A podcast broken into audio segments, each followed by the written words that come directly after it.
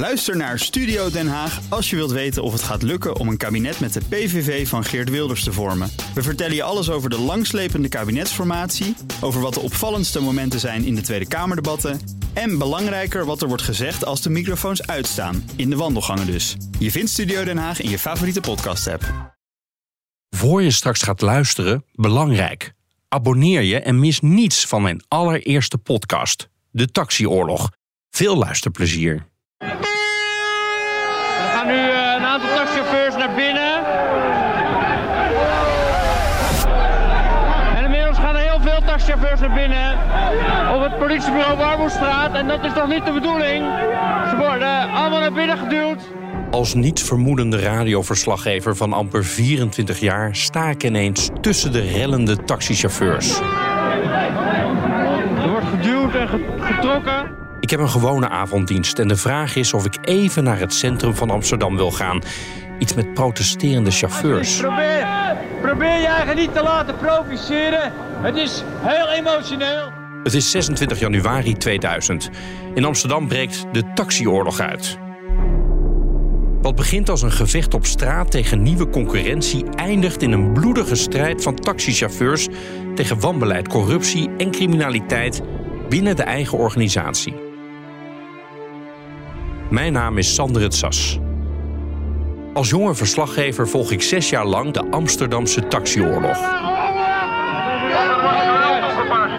Nu gaat het echt mis. We, worden, we komen beklemd te zitten. Na ruim 20 jaar durven de hoofdrolspelers eindelijk het hele verhaal te vertellen. En die rijdt op de gooise weg en er komt een auto van achter en die, die eh, rijdt midden dwars door mijn auto heen. Samen kijken we nog één keer terug, duiken we in mijn archief en ontdekken we nieuwe feiten. Ik vind het een wonder dat er, dat er eigenlijk geen doden zijn gevallen in dit hele verhaal. Dit is aflevering 1. Rellen in de hoofdstad.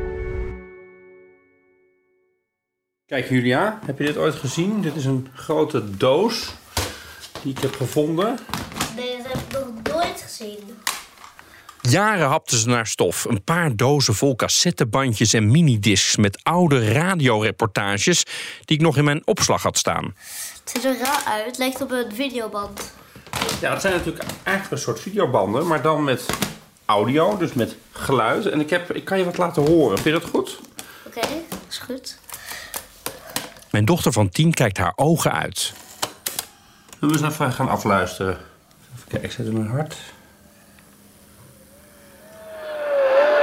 Er gaan nu eh, een aantal taxichauffeurs naar binnen. En inmiddels gaan er taxichauffeurs naar binnen. Herken je me een beetje of niet? Nee. Dat is toch niet de bedoeling? Dit, dit is eh, bijna 23 jaar geleden. De taxioorlog begint zo. Ooit werd er 300.000 gulden betaald voor een vergunning. En chauffeurs steken zich hiervoor diep in de schulden. Maar door nieuwe wetgeving mag ineens iedereen op de taxi... en zijn die dure vergunningen van de ene op de andere dag waardeloos. Door de komst van een nieuwe concurrent blijft er bovendien veel minder werk over. En dat pikken de chauffeurs niet. We zijn nu onderweg naar de Dam. Op ons gemak. Misschien Wat gaat- wat gaat eigenlijk- uh, ons uh, gehoor krijgen. De Tweede Kamer wil niet naar ons luisteren. We gaan Tien en Nijtelenbos niet. Nou, ik weet niet meer waar we heen moeten. Maar het kost ons verschrikkelijk veel geld, deze wet. En wij pikken het niet. Dus we blijven doorgaan. Doorgaan totdat er doden gaan vallen Ja, misschien? ja dat denk ik wel, ja. Ik kan er ook niks aan doen. Doorgaan totdat er doden vallen. Dat zijn grote woorden, maar ik voelde aan alles dat hij het meende. Terug naar 26 januari 2000, 7 uur 's avonds. De chauffeurs beginnen hun demonstratie op het Centraal Station. Ik zie een grote man in een rode jas een lantaarnpaal inklimmen en de chauffeurs toespreken. We gaan weer werken. En we komen elkaar volgende week weer tegen. Of in Den Haag, of in Hamburg, of in Rotterdam. Het is Kees Meester, chauffeur en manusje van alles van de taxicentrale Amsterdam, de TCA. Ik zal hem na die avond nog honderden keren spreken. Dat is ook begrijpelijk. De emoties van de jongens lopen zo hoog op. Dat, dat hou je niet tegen. Je zit, je zit in iemands inkomen. En als je in iemands inkomen zit... Mensen hebben allemaal vrouw, hebben allemaal kindertjes, willen allemaal leven. Dan ken je dat. Zo is het een beetje begonnen. Ja, want ik zie jou nog in een lantaarnpaal klimmen, Dat was Kees. 2000. Dat was in 2000. Dat was ergens eind januari. Hè? Ja, en toen waren we ook geveld tegen die taxiwet. Toen waren ze Rotterdam en Den Haag kwamen ook naar Amsterdam toe. En toen hebben we nog een rondje in de stad eh, gelopen. Ja. Ja, demonstreren tegen deze taxiwet. Ja, de Warmoestraat werd nog binnengegaan omdat Ja. er een taxichauffeur binnen zat. Ja. Hè? eh, in, in het politiebureau daar. Die wouden ze er nog even uithalen binnen. Nou, dat vond ik wel leuk om te zien. Het lukt alleen niet. Terug naar de nauwe Warmoestraat waar honderden chauffeurs het politiebureau bestormen. Ik word gegrepen door wat zich die avond afspeelt. Door de boze chauffeurs, de onmacht die ze voelen. En nou op het laatste 25, 30 meter, laatste 25, 30 meter, gaat de politie in één keer de megafoon pakken. Heren, als u nu in de centraal station gaat, dan gaan we ingrijpen. Die zit er gewoon tot actie over. Waarom? Waarom nou? De sfeer is grimmig. Taxichauffeurs proberen een gearresteerde collega te bevrijden. Het is een straatoorlog geworden waarbij taxichauffeurs elkaar, maar ook de politie keihard aanpakken. Er zijn in die weken veel rellen op straat. Auto's worden in de brand gestoken en chauffeurs van de nieuwe concurrent worden bedreigd en soms zelfs in elkaar geslagen.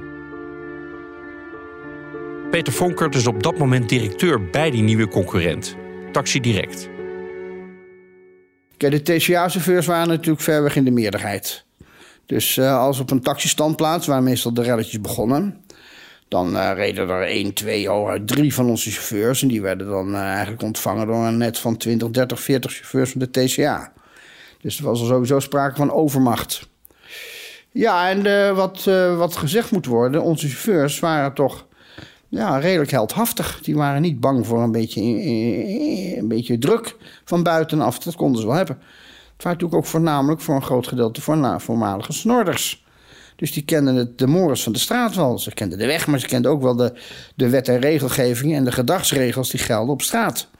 Dus ze waren al redelijk voorbereid. Dus. Ja. En eh, ja, dan rijden ze gewoon zo'n chauffeur klem. En dan eh, gaan ze hem even onder handen nemen met een paar eh, man met een paar honkbalknuppels. En dan slaan ze iemand gewoon half verrot. Ja. Dat is gebeurd. En dat is zeker gebeurd, ja. ja, ja. Dat heb ik gezien ook, ja. Er was één chauffeur die... nou, die had nog pech ook, want ze hadden het op een andere chauffeur voorzien. Er reden bij ons een paar chauffeurs die waren vroeger werkzaam geweest bij de TCA. En uit onvrede over de intransparante structuur daar en het corrupte verdienmodel... eh, zijn ze weggelopen en overgestapt naar het TCA. Naar de Taxi Direct, sorry. Naar Taxi Direct.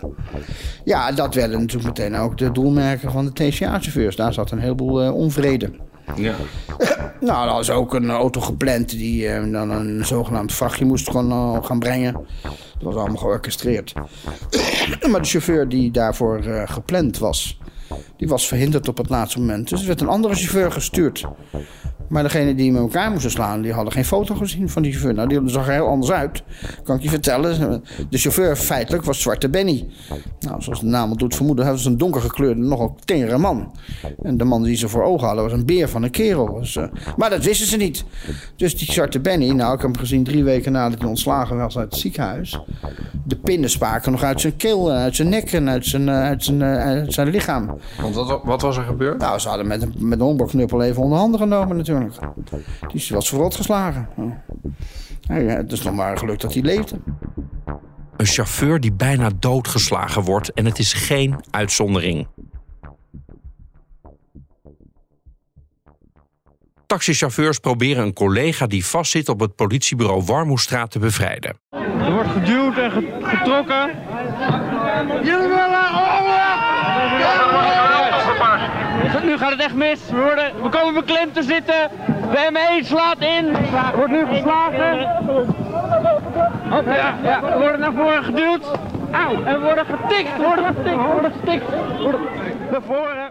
De ME moet eraan te pas komen en er worden charges uitgevoerd. Ik ontmoet daar chauffeur Jan den Hartog, een man waarmee ik tot op de dag van vandaag contact heb. Die collega's renden allemaal weg. En ik bleef gewoon staan, een heel peloton vlak voor me. En die sloegen met die stokken, maar ik had zo'n dikke leren jas aan. Dus ik sta zo die klappen af te weren. Tot ik op een gegeven moment zag dat op rij 3 twee agenten stonden die hadden pil geslikt. Ik zag het aan die ogen. Ik denk, nu moet ik wegwezen, want die slaan me het ziekenhuis in. Ja. Dus toen ben ik weggegaan. Ja. En die collega's zeiden later tegen mij, jij bent echt helemaal gek hè, dat je blijft staan. Ik zeg, jij moet nooit meer een, een sterk verhaal vertellen in het koffiehuis. Hè?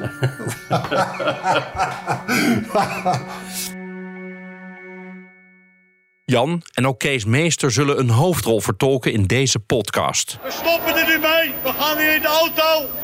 We gaan weer werken. En we komen elkaar volgende week weer tegen. Of in Den Haag, of in Hoofddorp, of in Rotterdam.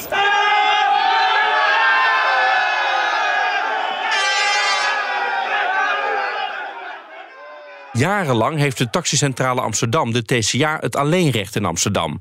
Daar waar je als taxichauffeur op straat het grote geld kunt verdienen, dankzij de vele toeristen en feestjes tot diep in de nacht. Met een beperkt aantal vergunningen om taxi te kunnen rijden, had je als TCA-chauffeur een gegarandeerd inkomen. Die vergunningen, feitelijk een aansluiting bij de monopolist, worden op die manier heel veel geld waard. Ik kan nog wel uitleggen wat, wat voor ons onverteerbaar was en altijd is gebleven. Toen ik mijn eerste taxinummer kocht, zo heette dat nog in Amsterdam, ging dat bij een kantoor van de ABN-bank. Daar zaten ook vertegenwoordigers van de wethouder van Amsterdam bij. Die moesten meetekenen voor die overdracht, anders kon het niet. Je kon ook niet een taxibedrijf beginnen buiten de TCA om. Zijn jongens die hebben het geprobeerd bij de rechtbank. Nul op het rekest. Kon niet. Dus wij werden gedwongen door de politiek om in dat systeem te functioneren. Maar doordat dat gelimiteerd was, het aantal, werd dat natuurlijk geld waard. En dat was op een gegeven moment drie ton voor een vergunning. En als je dat dan liberaliseert ineens, dan is het toch wel aardig als je die mensen die daar keihard voor gewerkt hebben. Want wij moesten enorme bedragen neerleggen om erin te komen. Tegen in die tijd, uh, ik geloof 14 of 15 procent rente ook nog eens een keer. Waarvan mensen je tegenwoordig, als je het zegt, dan geloven ze niet eens. Nee. Dat was wel zo. Ja. Als je dat allemaal gedaan hebt en ze zeggen dan ineens, nou dat pakken we af, bedankt en tot ziens. Ja, dat is natuurlijk asociaal. Dat kan niet. Het is wel gebeurd. De markt wordt ineens opengebroken. Het monopolie van de TCA met een beperkt aantal vergunningen houdt door de nieuwe taxiwet ineens op te bestaan. De gemeente moet door de nieuwe wet ook andere bedrijven toelaten op straat en op de standplaatsen. Als u nu Taxi Direct belt, krijgt u de dichtstbijzijnde taxichauffeur aan de lijn al voordat deze commercial afgelopen is.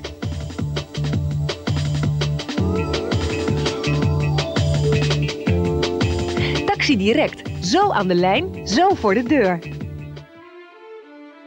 Het leidt tot de taxioorlog.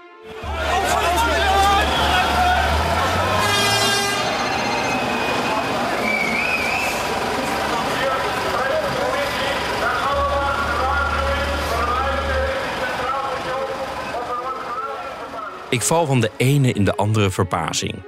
Hoe kan het dat de wetgever deze ellende niet heeft voorzien?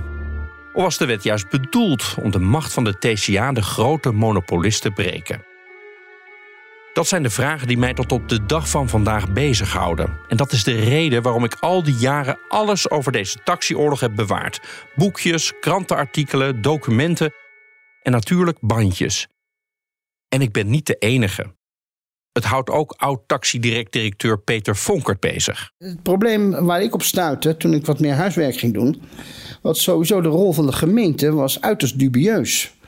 In principe zou de gemeente, de wethouder, moeten gaan over de uitgifte van vergunningen. Dus je moet ook het vraag en aanbod in de gaten houden. En je moet zorgen dat er een eerlijk spel wordt gespeeld op de markt. Nou, daar was dus absoluut geen sprake van. De TCA bepaalde hoeveel vergunningen er kwamen. Dus die hielden de vraag natuurlijk altijd erg beperkt. De vraag, althans het aanbod. Het aantal chauffeurs bleef gewoon beperkt. Dat betekent de vraag schiet altijd omhoog. Nou, misschien kun jij je nog wel herinneren, maar als je op zaterdagavond op het Leidseplein een taxi nodig had. Nou, nam dan maar even twee uur de tijd voordat er eentje beschikbaar was. Want er reden geen taxis, maar er reden ook geen bussen, geen trams en zo. Het lag helemaal plat. Dat leek wel alsof dat zo was georchestreerd. Nou, waarschijnlijk was dat ook zo. Dus dat was heel goed voor de taxis. Hè? Ja. Die verdienen in twee uur gewoon een jaarsalaris of een maandsalaris, zou ik maar zeggen. Dus, en nogmaals, de prijzen waren alleen maar gemaximeerd. Er was geen minimumprijs, er was gewoon een maximumprijs. En nou, ik ben eigenlijk nooit een chauffeur tegengekomen die daaronder zat. Ze zaten allemaal automatisch op de maximumprijs. En we waren op Japan na de duurste taxis ter wereld. Een andere journalist die de taxioorlog in die tijd nauwgezet volgt... is misdaadverslaggever Paul Vugts van het Parool. Toen ook, ja. Ik kwam jou overal tegen met uh, dit onderwerp. Ja, Dat- klopt. We waren er allebei wel door uh, be- begeesterd. Uh, ja, en, uh, als, als een stuk jongere uh, verslaggevers nog. En uh, ja... Jonge honden. Maar, jonge honden, ja. ja. Passen daar prima tussen. Wij rennen daar tussendoor, tussen al die uh, gekte. De sfeer is al twee jaar voor de taxioorlog begint extreem broeierig. Er gebeurden echt de gekste dingen. Dat was eerder al vooraf gegaan. In café De Brulboei in Amsterdam-Noord. Daar werd Taxi direct uh, officieel opgericht. En een wervingsbijeenkomst. En ik zal het nooit vergeten, ik, ik was daar ook. En uh, dat, De Brulboei heeft een soort serre-achtige uh, setting. En dan is er een soort nagemaakt draaiorgel aan een heel Amsterdams hebben ze het geprobeerd te, te, maken. En daar kwamen dan die taxi-direct mensen hun plan ontvouwen. En die hoopten dat de chauffeurs zich bij hen zouden aansluiten. Maar er kwamen natuurlijk ook TCA'ers die woest waren. En die kwamen hen daar echt met de dood bedreigen. En ik zit er gewoon bij. Ik zat gewoon op de eerste rang. Terwijl dat zo voor mijn neus allemaal gebeurde. Dus ik, ik het ene artikel na het andere. Uh, en voor mij was het, uh, uh, was het journalistiek gezien. Ik was ineens de taxiverslaggever. Vroeger had je natuurlijk geen taxiverslaggever. En later ook niet meer. Maar toen die weken, die maanden jaren soms. Uiteindelijk, uiteindelijk als je het uitrekt natuurlijk meerdere jaren. Ja, dat, dat, dat, is zoveel te doen geweest. Zowel uh, op straat als in de rechtbank. Als in, nou ja, en ik, ik heb dat volop beschreven. Ja, dat was veel werk. Een jaar voordat de echte oorlog uitbreekt, bezetten TCA-chauffeurs het kantoor van die nieuwe concurrent. Met Jan en Kees zoek ik de beelden van toen op. Waar, waar kijken we nu naar? Naar uh, de opening van, uh, van het kantoor van Taxi Direct. En dan gingen wij eens eventjes, eventjes even naar binnen kijken wat, wat er binnen te doen was. Vandaag. Ja. De taxicentrale Amsterdam raakt haar monopolie kwijt. Want vandaag start Taxi Direct. Een gloednieuw taxibedrijf met ruim 100 chauffeurs. De chauffeurs van de aloude taxicentrale zijn fel tegen de komst van deze concurrent. En hebben voor vandaag gedreigd met harde acties. Wij gaan eventjes uh, naar binnen. We gaan even kijken naar binnen. Hoe het, uh, hoe het eruit ziet naar binnen. Ja? Dit is Taxi Direct, hè? Dit is Taxi Direct, ja. Gaat u actie voeren? Wij gaan actie voeren, ja. Wij gaan, wij gaan er heerlijk even binnen zitten, ja. We gaan gewoon binnen zitten daar. Gewoon even lekker koffie. Maar bent u uitgenodigd? Ik weet niet of we uitgenodigd zijn. We gaan nu. Ja? Zo begon het een beetje. En je ging ook echt naar binnen? Ja, ik ging ook naar binnen. Dat zal je ook zo zien. En uh, dan zie je dat we, ons naar, dat we naar binnen gaan. Nou, dan gaat wel wat draaitjes om me heen, heen verzameld. Dus dat ging wel goed. En, en waren ze bij Taxi Direct blij dat jullie er waren? Nou, weet ik niet. ik denk het niet. De, de deurklink te barricaderen. Niet oh, ja. slaan. Deze jongen is overleden. Barricaderen dan? De deur, klink. En waarom? Oh, hier binnen. Dus willen bezetten. En dan aangezien van buitenaf de deur niet open te doen is. Het kantoor van Taxi Direct wil u bezetten? Ja. Hij had er een, een, een, stuk hout bij zich door om tussen de deur te zetten, dat je de deur niet meer open kreeg. Arno was dat. Arno. Wat vindt u ervan? Ik weet het niet. Ik ga eerst eens kijken wat, uh, wie wat daar aan het doen is. Ja, ze hebben uw kantoor bezet. Daar lijkt het op. Daar lijkt het inderdaad op. Ga nou even, ga nou even. Uh, nee, dat hoeft ook niet. Meneer mij, uh, politieagent, een taxizager. Die heeft, die heeft ingegrepen op een gegeven moment. Uh... Nou, valt wel mee hoor. Kees is dus een van die taxichauffeurs die voorop loopt, ook bij de bezetting van de nieuwe concurrent. Maar wie bedacht deze acties eigenlijk?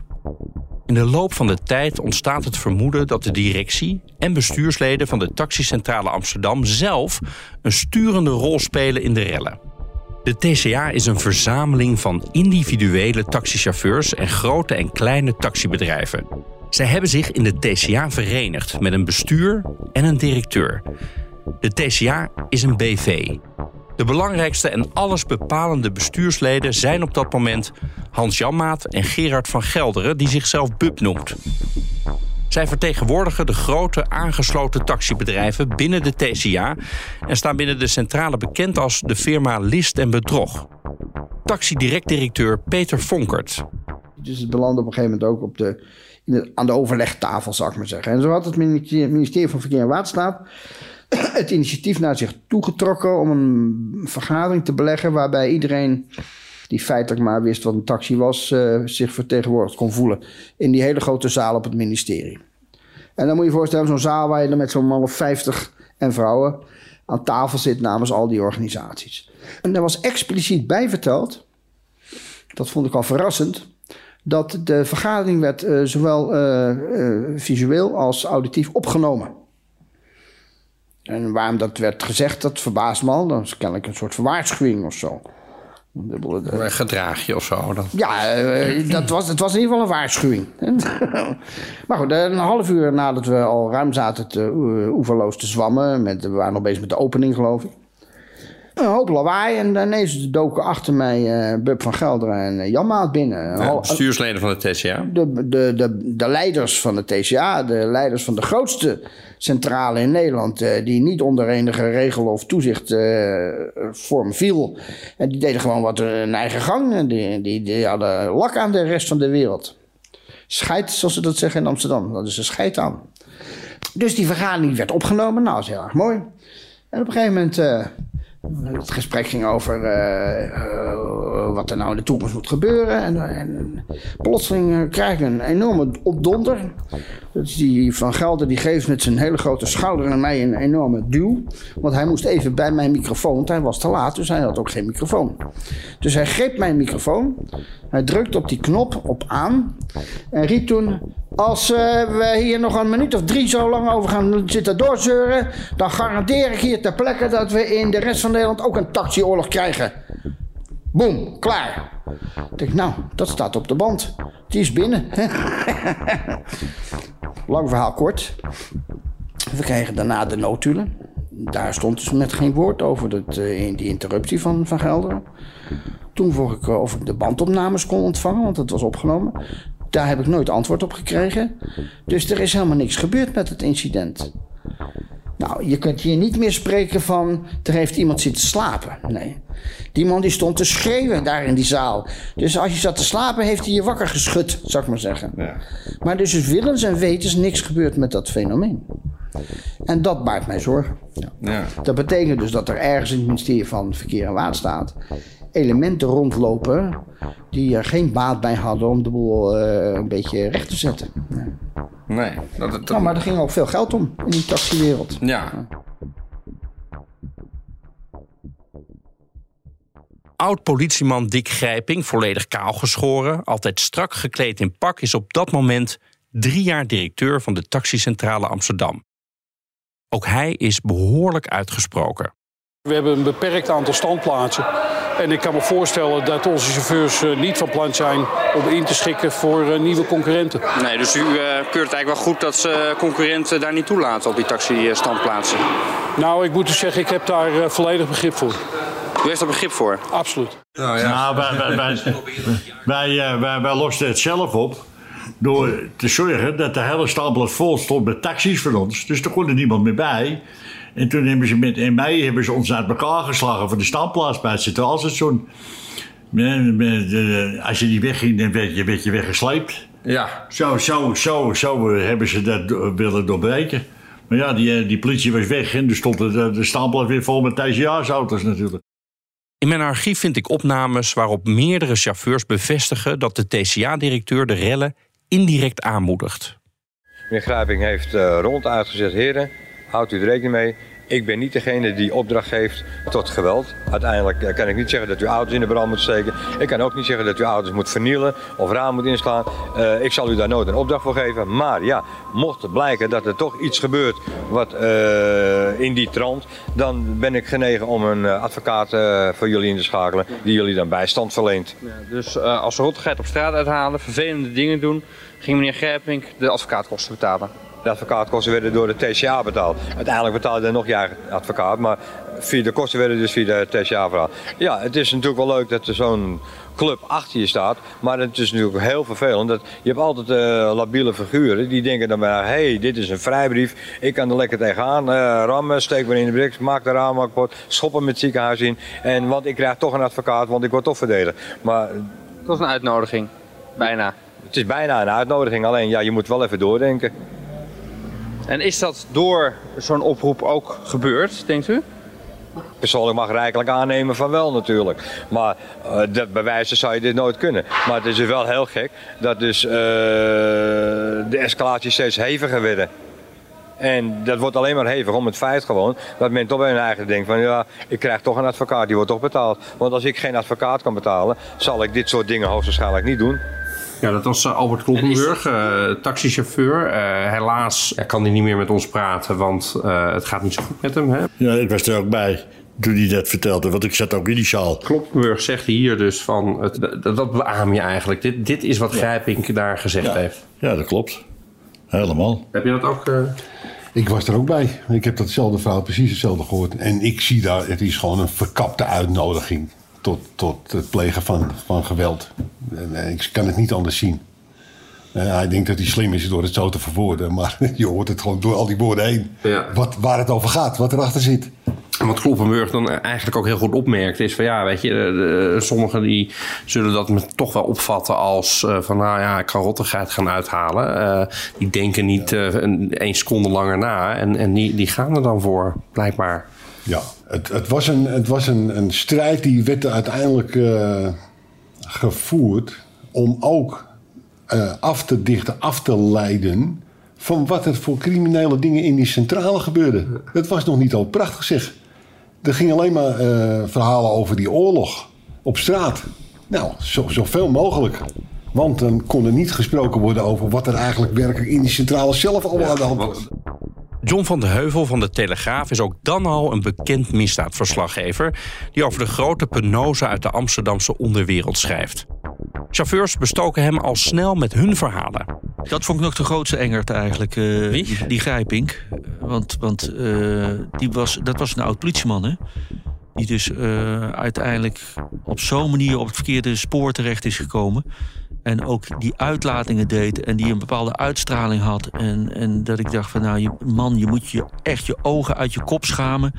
Hoe jij eh, in dit hele verhaal terecht bent gekomen. En hoe je dat ook nog een beetje probeert te verdedigen. Ja. Ik vond het beschamend. Parool misdaadverslaggever Paul Vugts. Ja, Grijpink riep altijd, als de regering dit doorzet, dan kan ik geweld niet voorkomen. Dat is gewoon een verkapte oproep aan zijn chauffeurs. Om, eh, en misschien was het binnenkamers wel minder. eh, Nou ja, ik, ik, ik, ik heb eh, opnames eh, gehoord, teruggeluisterd van taxichauffeurs die zeiden dat Grijpink had gezegd van, nou weet je, geweld keur ik niet goed. Maar als jullie in de problemen komen, betaal ik, of althans betaalt de taxicentrale de advocaatkosten. Dat is helemaal de stijl van waarin de drie toen opereerden. Ja, en dat is indirect natuurlijk ook een oproep van, joh, weet je, we vinden het eigenlijk wel prima wat Natuurlijk. jullie doen. En dat, en dat het als oproep werd ge- uitgelegd in de krant, daar heb ik ook bijvoorbeeld nooit problemen mee gehad. Het is nooit dat Grijpring meldt, wat, wat suggereer jij nou, dat ik dit geweld Nee. aanjaag? Nee hoor, dat eh vond ik een prima stukje paal. Ja. Dat is ongelooflijk, hè, als je erover nadenkt. Ja, ja, dat is Ehm. echt. Als je ziet, iets. Eh, Een belangrijke vervoersorganisatie als de taxicentrale van Amsterdam. Want er was er maar één. Hè? Eh, dat in, in handen van zulke eh, mannen en met zulke structuren waarin geweld wordt aangejaagd. En ook openlijk tegen de regering wordt gescholden. Echt gescholden. Ja, dat, dat is ongekend. Dat, dat zou je toch, stel je voor, het GVB-tram hier in Amsterdam. dat, dat de top van het GVB zo opereerde. Dat, dat zouden we belachelijk vinden en bizar. Je begrijpt, de herhaalde oproepen van Grijping maakt de sfeer alleen maar grimmiger. Zo wordt het kritisch gemeenteraadslid Ton Hoijmaier zelfs even ontvoerd door chauffeurs, vertelt hij destijds. Ja, nou laat ik zo zeggen, je wordt tegen je zin in eh, meegenomen eh, in een taxi. En dan door een aantal mensen heen en weer eh, gegooid. Ja, gewoon pure intimidatie. Daarnaast heb ik een inbraak in mijn huis mogen meemaken... waarvan ook de politie van mening was... het is wel een zeer bijzondere inbraak. God, het valt allemaal wel op elkaar. Toen hij in de gemeenteraad zat, toen, zei hij, toen noemde hij een zoutje TCA-chauffeurs, een zoutje schooien. Toen hebben wij met een eh, man of 50, 60 hebben we netjes opgewacht in het stadhuis. En dan kwam hij met een bonnetje en dan moest hij vervoerd worden op dat bonnetje altijd. Of naar huis, of weet ik wel. Hij moest in dit geval moest hij naar huis. In die taxi die, waar hij instapte, die bracht hem naar de Dam. En dan stonden we met 60 man op hem te wachten. Daar hebben we om hem heen gestaan. Nou, ik heb nog nooit iemand zo bang gezien. Terwijl die, geen één chauffeur zijn hand heeft uitgestoken. Niemand heeft hem aangeraakt, helemaal niks. Niemand niks. En die hebben me alleen eens de waarheid verteld hoe een groot stukje school bij zelf was. Ja. dat was meneer Hoijmaier. Ja. ja. Maar, maar het is toch een beetje intimiderend, of kwam het niet zo over? Nou, denk wat, wat doet hij dan bij die gemeenteraad? Ja. Dit is toch precies hetzelfde. Dan maakt hij uit dat wij zo school zijn. Dat zei hij gewoon heel duidelijk. Nou, Zonder onderscheid, hè? Allemaal. Ja. Ja, maar hij zegt wel, ja, er zijn wel een paar goeie, misschien even twee, maar het is eigenlijk gewoon allemaal schoren. Ja, ja, dat. Is, dat is de sfeer die er vanaf kan. Dit is een uitzondering, want normaal waren alle pijlen gericht op Taxi Direct. In mijn ogen de verkeerde partij. De concurrent die in principe namelijk alle recht had om er te zijn. Ik ga daarom verhaal halen bij de gemeente Amsterdam. Die zegt met lege handen te staan. Ook zij hebben te dealen met de wet die uit Den Haag komt en het gaat niet van harte. Frank Keuler is op dat moment wethouder. Als we toch naar de situatie kijken op straat, dan is het zo dat, uh, dat er heel veel concurrenten eigenlijk die standplaats niet opkomen. Dat betekent dus toch nog eigenlijk dat TCA de touwtjes in handen heeft. Ben je het met me eens? Nou, dat weet ik niet. Dat, uh, iedereen kan in Amsterdam, net als uh, iedereen met een taxivergunning. En dat zijn meerdere bedrijven, ook meerdere centrales waar die bedrijven bij zijn aangesloten. Iedere taxichauffeur, ondernemer met een vergunning, die kan in principe bij alle standplaatsen staan. Ja, op papier, maar in praktijk toch niet? Nou ja, men moet het dan doen. Werkt de vrije markt in Amsterdam? Wat taxis betreft? Ja, dat weet ik niet of er een vrije markt van taxis ooit is, ooit geweest is. Daar ga ik niet over. Zo'n vrije markt, dat moeten de... Dat is wel de bedoeling van de wet, hè? Nou, dat moeten de bedrijven zelf doen. Wij verordineren de vrije markt niet. Wij moeten zorgen dat iedereen die met een vergunning heeft zijn werk kan doen. Dus ook bij de standplaatsen maar, maar kan staan. Denkt, denkt u dat die werkt in Amsterdam, die wet? Nou ja, kijk, als u wil uitzoeken of die wet werkt, dan zou ik zeggen... Maar wat zegt u als wethouder dan? Wat vindt u daarvan? Wat denkt u? Wat is uw mening? Nou, ik kom als, als wethouder van Amsterdam gelukkig ook wel eens buiten onze gemeentegrenzen. En dan bij Centraal Station in Den Haag, eh, of Hollandspoor, of uh, Rotterdam, uh, of Utrecht, of Haarlem.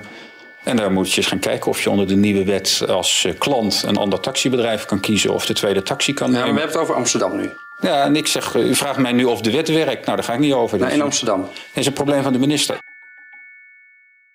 Een probleem van de minister noemt de wethouder het tegen mij. Maar ja, de problemen spelen zich wel in zijn stad af. Waarom voelt hij geen enkele verantwoordelijkheid? Directeur Dick Grijpink neemt in die tijd sowieso geen blad voor de mond. Hij voelt zich door de komst van de nieuwe taxiwet door de landelijke politiek verraden, zegt hij meerdere keren op zijn geheel eigen wijze. Ik moet u heel eerlijk zeggen dat uh, ik had al niet zo'n hoge dunk van politici toen ik directeur werd van de taxicentraal. Ik heb eens gezegd dat het de laatste, laagste levensvorm is op aarde. En ik moet u zeggen dat ik in die mening word bevestigd. Politici, de laagste levensvorm die er is, al dus dik Grijping tegen mij. En ook tegen Paul Vugts is Grijping extreem uitgesproken. In het begin was ik heel goed met Dick Grijping. Maar dan kom je bij dan de directeur van de enorme taxicentrale Amsterdam. Kom je op kantoor en dan hangt daar een vuurwapen aan de muur. Uh, een nepper hoor. Of tenminste niet bruikbaar meer. En dan, dan heeft hij daar de gekste paraphernalia en een grote mond. En hij was vroeger bij de politie en later bij OLTA zal. Met toezichtsorgaan op ja, de, ja, uh, de taxis. Ja. Uh, maar nu dan bij toen dan bij TCA. Ja, die bestuurstijl van die man, uh, die had zo'n grote mond. En dan ging hij over de, de uh, ministers in de vreselijkste termen uh, spreken. Ik, ik heb hem een keer geïnterviewd. En toen, toen was Tineke Netelenbos de gebeten hond. Omdat zij bij die taxiwet, de liberalisering van de taximarkt bezig was. Nou, dan heeft hij het over Tineke Netelen kut. En dan zeg ik, meneer Grijping, misschien moet ik dit maar uh, even in de krant iets anders formuleren. Hij zei, ik zeg toch Netelen kut. Ja, ja dat was de Grijping. Natuurlijk. Ik wil heel graag een reactie hebben van het trio Janmaat van Gelderen en Grijpink. Hoe kijken zij nou terug? Nou ja, die laatste laat mij weten niet mee te willen werken en wenst mij veel succes. Van Gelderen reageert helaas helemaal niet op mijn verzoek. En er gaan in de taxiwereld verhalen rond dat Hans Jan Maat is overleden. Totdat Jan een oud nummer van hem belt. Ik zal hem weer even geven.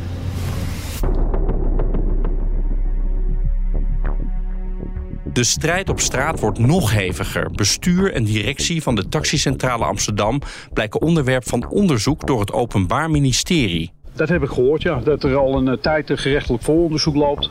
En dat men nu de tijd gekomen acht om maar eens uh, te kijken of, uh, of er niet wat uit meneer Grijping gepest kan worden. Er wordt een inval gedaan bij de TCA en de politie krijgt hulp van binnenuit. Ik had afgesproken dat ik daar werd gearresteerd, maar ik had over sleutels van. Dus ze konden zo naar binnen lopen, die politie. En de grootste leider van de onderwereld zegt betrokken te zijn. Toen kwam op enig moment kwam ook het verhaal over die TCA. En die opmerking is me altijd wel bijgebleven, want hij legde dat gewoon heel klip en klaar uit. Uh, ja, de TCA, dat is eigenlijk van mij. Dat in de komende afleveringen van De Taxioorlog.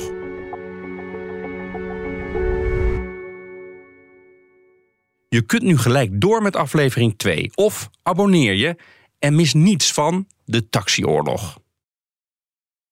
Ook Thomas van Zeil vind je in de BNR-app. Je kunt live naar mij luisteren in Zaken doen, de BNR-app met breaking news, het laatste zakelijke nieuws en je vindt er alle BNR-podcasts, bijvoorbeeld Het Nieuwe Geld. Download nu de gratis BNR-app en blijf scherp.